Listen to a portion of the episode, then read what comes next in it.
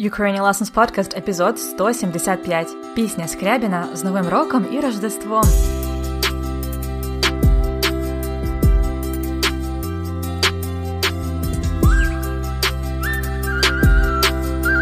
Привіт-привіт! Ви слухаєте подкаст Уроки української. Подкаст для всіх, хто вивчає і любить українську мову.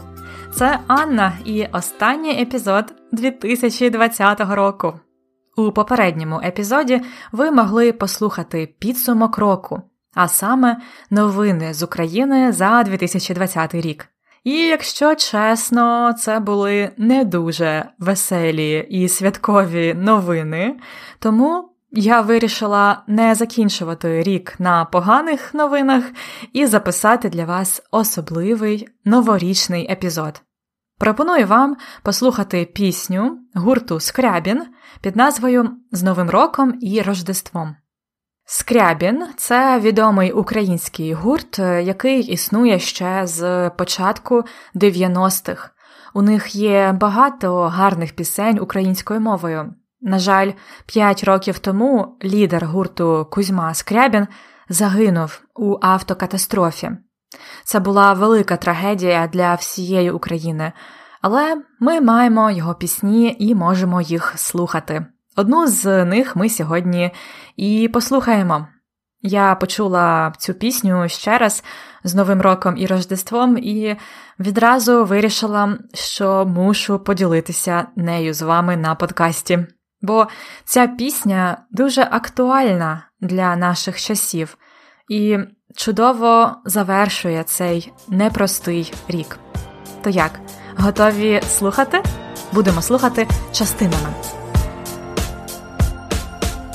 Нехай залишаться в старому році сльози, хвороби і біди. Хай подобріють всі люди недобрі, нехай їм стане легше на світі.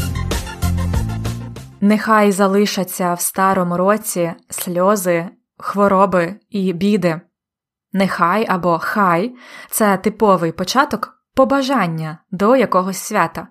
Наприклад, нехай збуваються мрії, або Хай будуть усі здорові. У пісні є багато саме таких побажань. Ми утворюємо ці речення за допомогою частки хай або нехай і дієслова в теперішньому чи майбутньому часі. Отже, пісня починається так: Нехай залишаться в старому році сльози, хвороби і біди. Залишаться це майбутній час від слова залишитись. Нехай залишаться в старому році. Тут наголос на А в старому, тому що це пісня, тут так краще звучить. Зазвичай наголос у слові на О старому. Отже, нехай залишаться в старому році сльози, хвороби і біди. Здається, це ідеальне побажання до нового 2021 року. Нехай всі хвороби залишаться в старому році, а також сльози і біди. Сльози це коли ми плачемо. Хвороби це всяке таке погане, як, наприклад, ковід. І біда це щось дуже погане, що може статися з людиною. Біда може бути, наприклад, важка хвороба, смерть чи війна. Англійською біда це misery or disaster, біда. Отже, Скрябін бажає вам, нехай залишаться в старому році сльози, хвороби і біди. І далі хай подобріють всі люди недобрі, нехай їм стане легше на світі. Хай подобріють всі люди недобрі. Подобріти це чудове дієслово, що означає стати добрим. Тобто, спочатку хтось був поганим, злим, чи, може, просто в поганому настрої, і він подобрів, став кращим, подобріти. Нехай подобріють всі люди недобрі, нехай їм стане легше на світі. стати легше.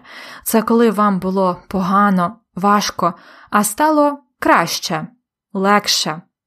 Зазвичай після хвороби з часом стає легше.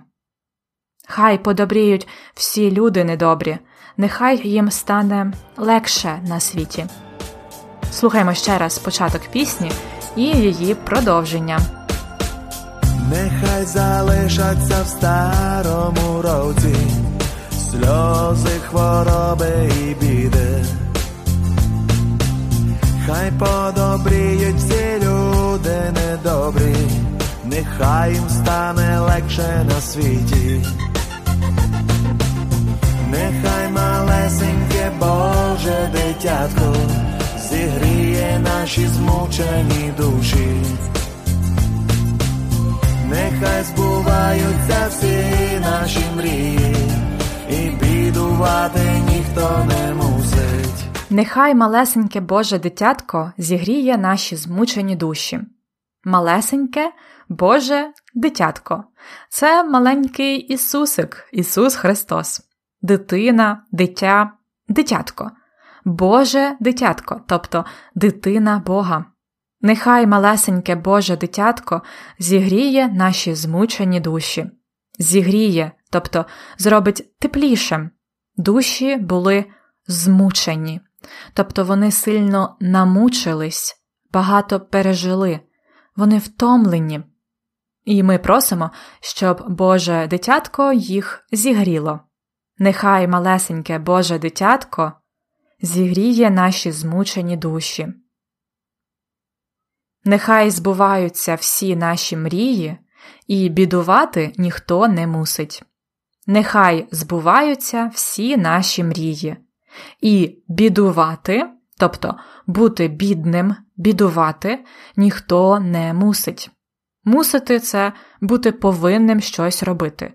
Мусити звучить е, дуже схоже на свій англійський переклад must мусити.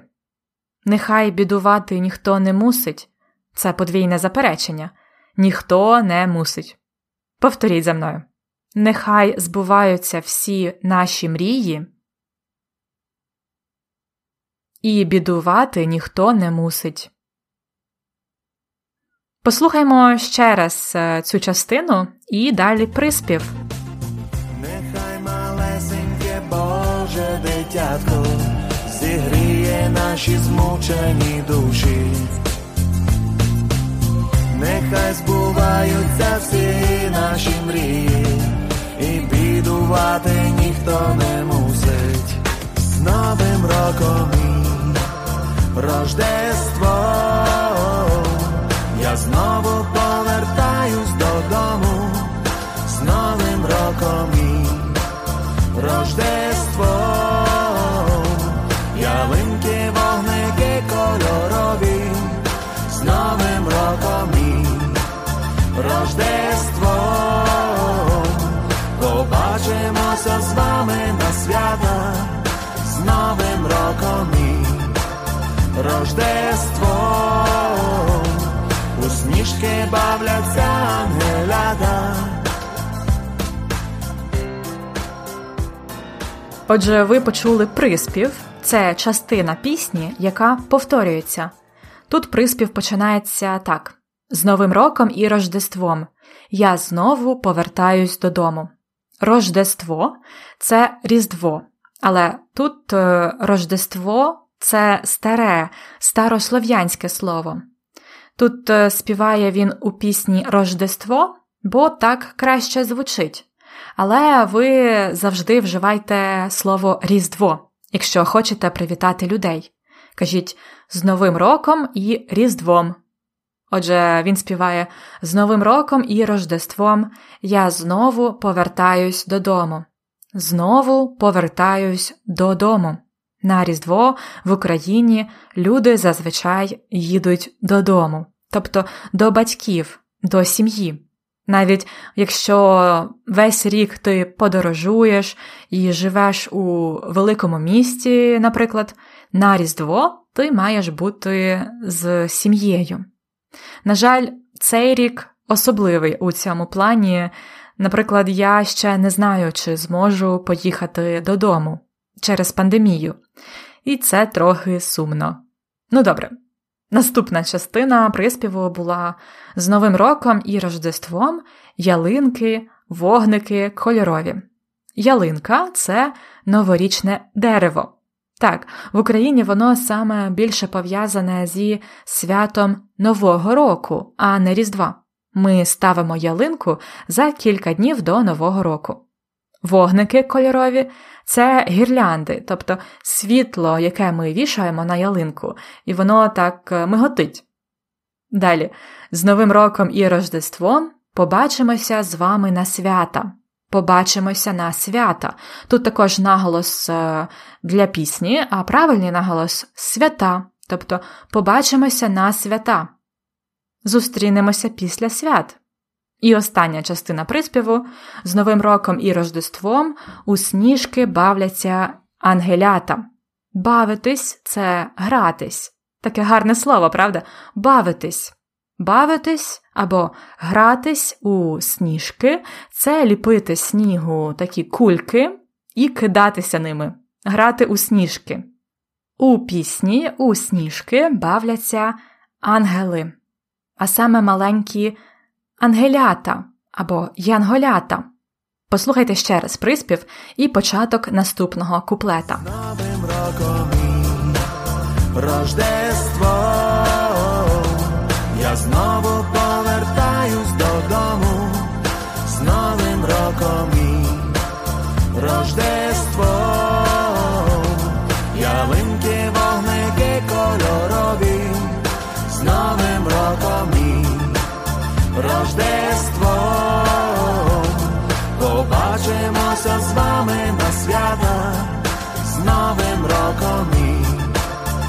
Рождество у сніжки бавляться ангелята.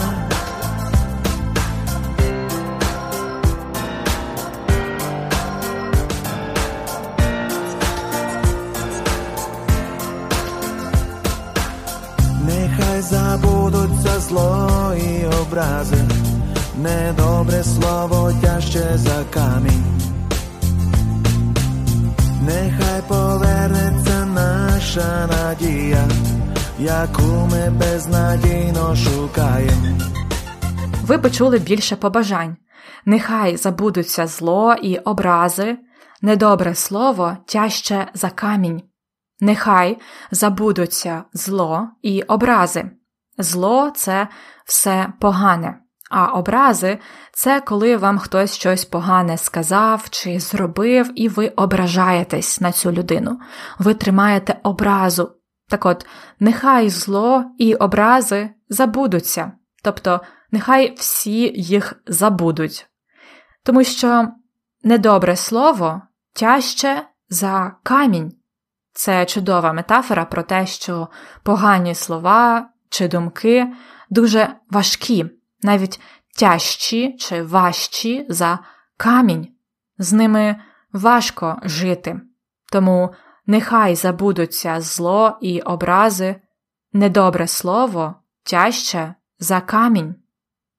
Нехай повернеться наша надія, яку ми безнадійно шукаємо. Надія це hope, надія. Нехай вона повернеться, наша надія. Ми її безнадійно, тобто hopelessly, безнадійно шукаємо. Нехай повернеться наша надія, яку ми безнадійно шукаємо. Нехай забудуться зло і образи, недобре слово тяжче за камінь. Нехай повернеться наша надія, яку ми безнадійно шукаємо. Нехай всіх діток, що без мами і тата, прийме велика тепла родина. Нехай добро на землю випаде снігом, і краще стане кожна людина. Нехай всіх діток, що без мами і тата, прийме велика тепла родина. Дітки без мами і тата це сироти. Нехай їх прийме, тобто візьме до себе велика, тепла родина. Нехай всіх діток, що без мами і тата, прийме велика, тепла родина. Нехай добро на землю випаде снігом, і краща стане кожна людина. На землю нехай випаде добро, як сніг, або разом зі снігом прийде добро, і кожна людина стане краща, ніж раніше. Нехай добро на землю випаде снігом, і краща стане кожна людина. Нехай всіх діток, що без мами і тата, прийме велика тепла родина. Нехай добро на землю випаде снігом, і краще стане кожна людина. Як вам ця пісня? Як на мене, вона чудово відповідає духові нашого часу, тому що всі ми хочемо, щоб у 2020 році залишились позаду всі хвороби, біди, а також нам хочеться, щоб 2021 рік приніс нам надію, яку ми так шукаємо, правда? Послухаймо ще раз пісню з повним текстом. Нехай залишаться в старому році сльози, хвороби і біди. Хай подобріють всі люди недобрі, нехай їм стане легше на світі. Нехай малесеньке Боже дитятко зігріє наші змучені душі. Нехай збуваються всі наші мрії, і бідувати ніхто не мусить. З Новим роком і Рождество, знову повертаюсь додому, з Новим роком і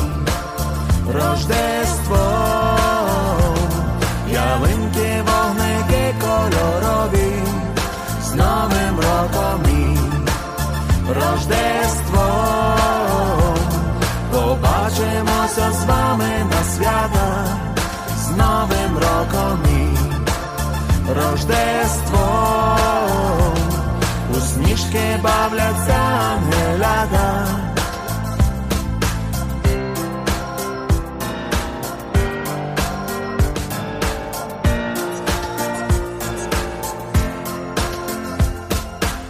Nechaj zabudúť sa zloj obraze. Nedobre slovo ťažšie za kameň Nechaj poverneť sa naša nadija яку ми безнадійно шукаємо. Нехай всіх діток, що без мами і тата, прийме велика тепла родина. Нехай добро на землю випаде снігом, і краще стане кожна людина. З Новим роком і Рождество, я знову повертаюсь додому, з Новим роком і Рождество, ялинки, вогники кольорові, з Новим роком і Рождество, побачимося з вами на свята, з Новим роком і Рождество,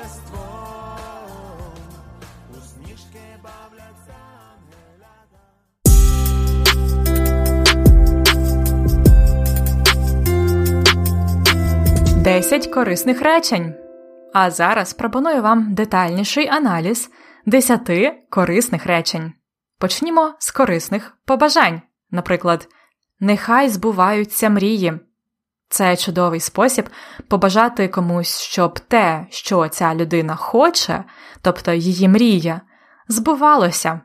Ви можете побажати це і на Новий рік, і на день народження.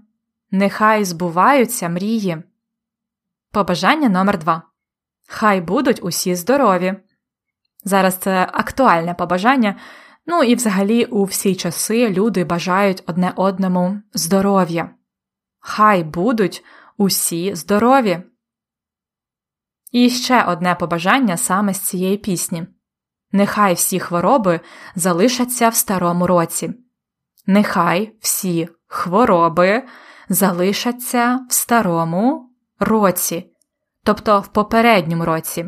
Повторіть ще раз. Нехай всі хвороби залишаться в старому році. Наступне речення я також сказала про хвороби. Зазвичай після хвороби з часом стає легше. Зазвичай, тобто часто, після хвороби з часом, через деякий час, стає легше. Ми так і говоримо: стає легше, стало легше. Наприклад, якщо ваш знайомий хворів, і ви можете спитати його, як почуваєшся? Тобі вже легше? Мені вже легше, тобто хвороба почала відходити, закінчуватись. Повторіть повне речення. Зазвичай після хвороби з часом стає легше. Далі я говорила, що в пісні він співає Рождество, тому що так краще звучить, або так звучить краще. Тобто в піснях вживають трошки інші слова, може інший наголос, наприклад, е, не свята, а свята, бо так звучить краще. Повторюйте за мною. Так краще звучить. Наступне шосте речення. На Різдво люди зазвичай їдуть додому. На Різдво, тобто спеціально до Різдва, люди зазвичай їдуть додому. Я сказала їдуть, але можна також сказати їздять, тобто регулярно, туди і назад. Зверніть увагу, додому це одне слово. Воно означає напрямок, куди. Тобто вдома це де вдома, а куди додому. Повторіть ще раз на Різдво люди зазвичай їдуть додому. Далі речення номер 7 Ми ставимо ялинку за кілька днів до Нового року. Ставити ялинку це така традиція принести додому ялинку і поставити її, десь у вітальні. В Україні ми ставимо ялинку за кілька днів до Нового року. Це новорічна традиція, а не різдвяна в Україні. Повторіть, ми ставимо ялинку за кілька днів до Нового року. Речення номер 8 Побачимося на свята. Побачимося. Це хороше завершення розмови, наприклад. Побачимося на свята, тобто зустрінемося до зустрічі під час свят. Побачимося на свята. Наступне речення номер 9 Дітки без мами і тата це сироти. Це визначення поняття сироти. Це дітки чи діти без мами і тата, діти, у яких немає мами і тата. В однині сирота, у множині сироти. Дітки без мами і тата це сироти. І останнє речення про пісню. Ця пісня чудово відповідає духові нашого часу. Дух нашого часу. The spirit of our time. Дух нашого часу. Ця пісня чудово відповідає духові нашого часу. Тобто вона є актуальною. Вона стосується проблем і ситуацій, які відбуваються саме зараз. Повторіть. Ця пісня чудово відповідає духові нашого часу.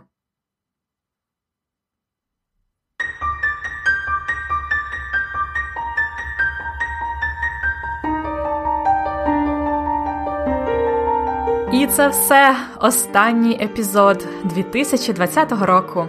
Звичайно, що повний текст пісні, а також транскрипт усього, що ви сьогодні чули, ви можете знайти в конспекті уроку. Там будуть також вправи на закріплення ось цієї структури, хай, нехай, і на корисні речення. Конспекти доступні за преміум підпискою, більше про яку ви можете дізнатись за посиланням ukrainianlessons.com риска епізод 175. За цим посиланням ви також знайдете пісню Скрябіна на Ютубі ukrainianlessons.com slash episode 175. А я беру невеличкі зимові канікули і повернусь до вас е, з новим епізодом подкасту всередині січня. Бажаю вам гарних, затишних свят. Нехай новий рік принесе вам надію і здоров'я. Почуємось у наступному 2021 році. На все добре!